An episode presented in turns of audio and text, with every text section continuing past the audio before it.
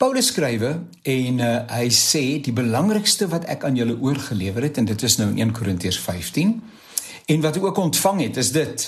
Christus het vir ons sondes gesterf volgens die skrifte. Hy's begrawe en op die 3de dag opgewek volgens die skrifte.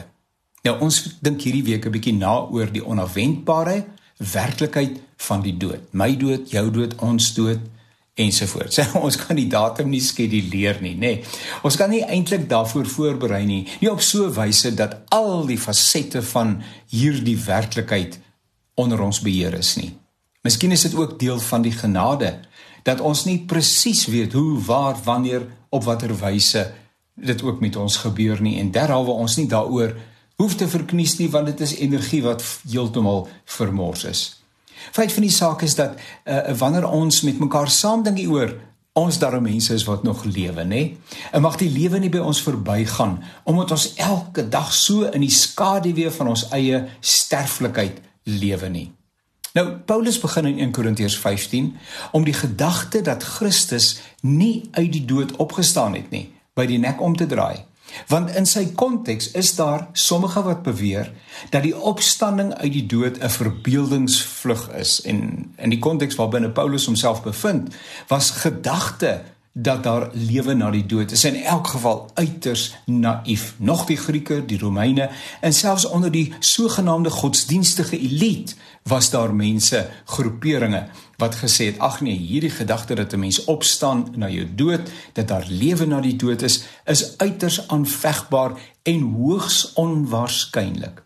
Maar Paulus maak dit duidelik dat daar nie van 'n evangelie goeie nuus sprake is as Christus steeds gevange gehou word in die graf waarin hy te ruste gelê word nie en is nie As Jesus nie opgestaan het nie, sê hy, het die geloof geen sin nie.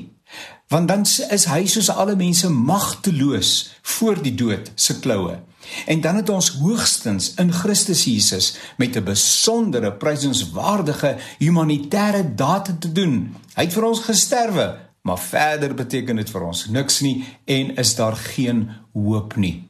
Lees gerus die eerste paar verse van 1 Korintiërs 15.